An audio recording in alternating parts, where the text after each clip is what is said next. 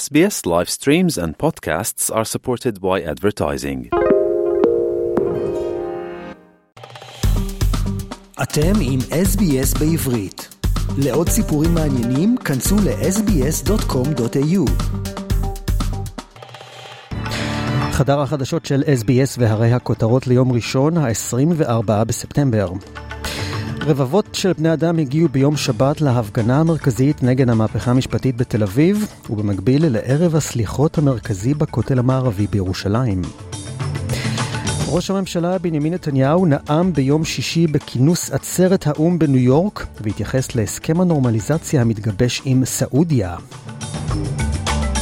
ומזג האוויר לקראת יום הכיפורים והצום שחל ביום ראשון, עם טמפרטורות נוחות ברוב חלקי אוסטרליה, ולא צפוי גשם או מזג אוויר קיצוני, דבר שיקל על הצמים.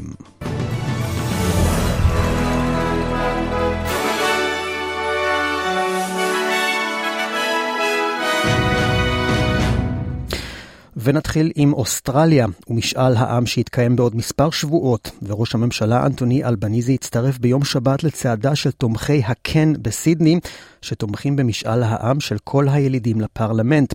אלבניזי אומר שהוא מאמין שהמומנטום ימשיך לגדול בשלושת השבועות האחרונים שלפני משאל העם, ומדגיש את החשיבות של קיום שיחות לקראת ההצבעה. הנה דבריו. And something I get great heart from is the decision of Kamal. a very courageous decision. He's someone who came out and said no and went away, spoke to people, read what it was about, read the question, and decided that he would come out and declare his support for yes. And to say, why would anyone oppose this? So we have now a, a new term that we've coined today, Kamal Mentum, in the last couple of weeks. דבריו של ראש הממשלה אנטוני אנבניזי. במקביל התקיימו גם מחאות של תומכי הלא בהייד פארק בסידני, כאלו שהם נגד מתן קול לילידים. אחד המשתתפים בעצרת, בעצרת מסר לעיתונות מדוע הוא חושב שהקמפיינים בעד הקול לא הסבירו את עצמם מספיק, וזה עלול לפלג את העם. הנה דבריו. I'd like to keep our country uh, a country we can be proud of.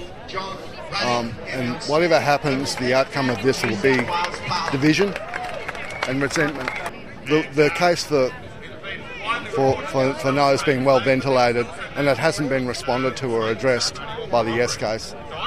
And the result will speak for itself.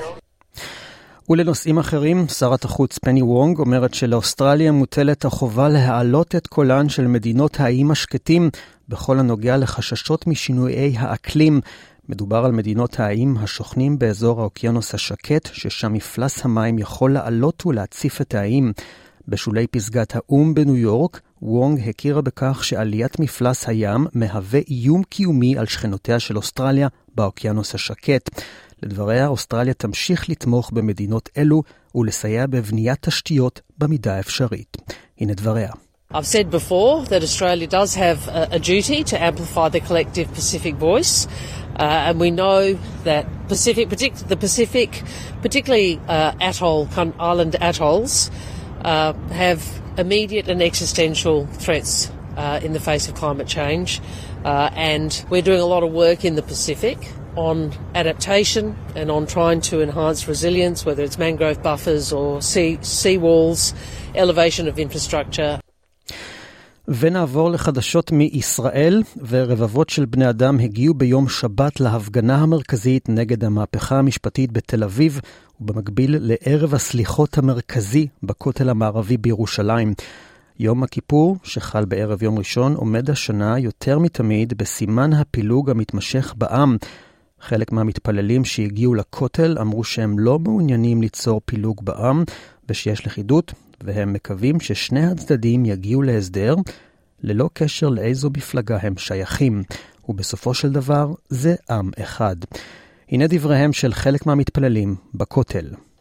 בסופו של, של דבר כל אחד עם האני העצמי שלו לא רוצה את הקרע הזה ולא רוצה את הפילוג הזה. כולנו עם אחד, כולנו עם הגאולה, ומאמינים שאנחנו מלוכדים הרבה יותר חזקים, הרבה יותר עוצמתיים, וזה העם שלנו, העם הזה יודע להתלכד, ובימים כאלה במיוחד, ונקווה לשנה הבאה הרבה יותר טובה. פשוט אנחנו לא נהיה פה אם, כאילו, אם נמשיך להתעסק בדברים האלה, ובסוף כל ההפגנות האלה פוגעות בנו, וכאילו, חבל שאנחנו, זה מה שאנחנו מתעסקים בו.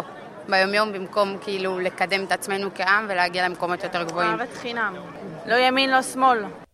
דברי המתפללים בכותל המערבי.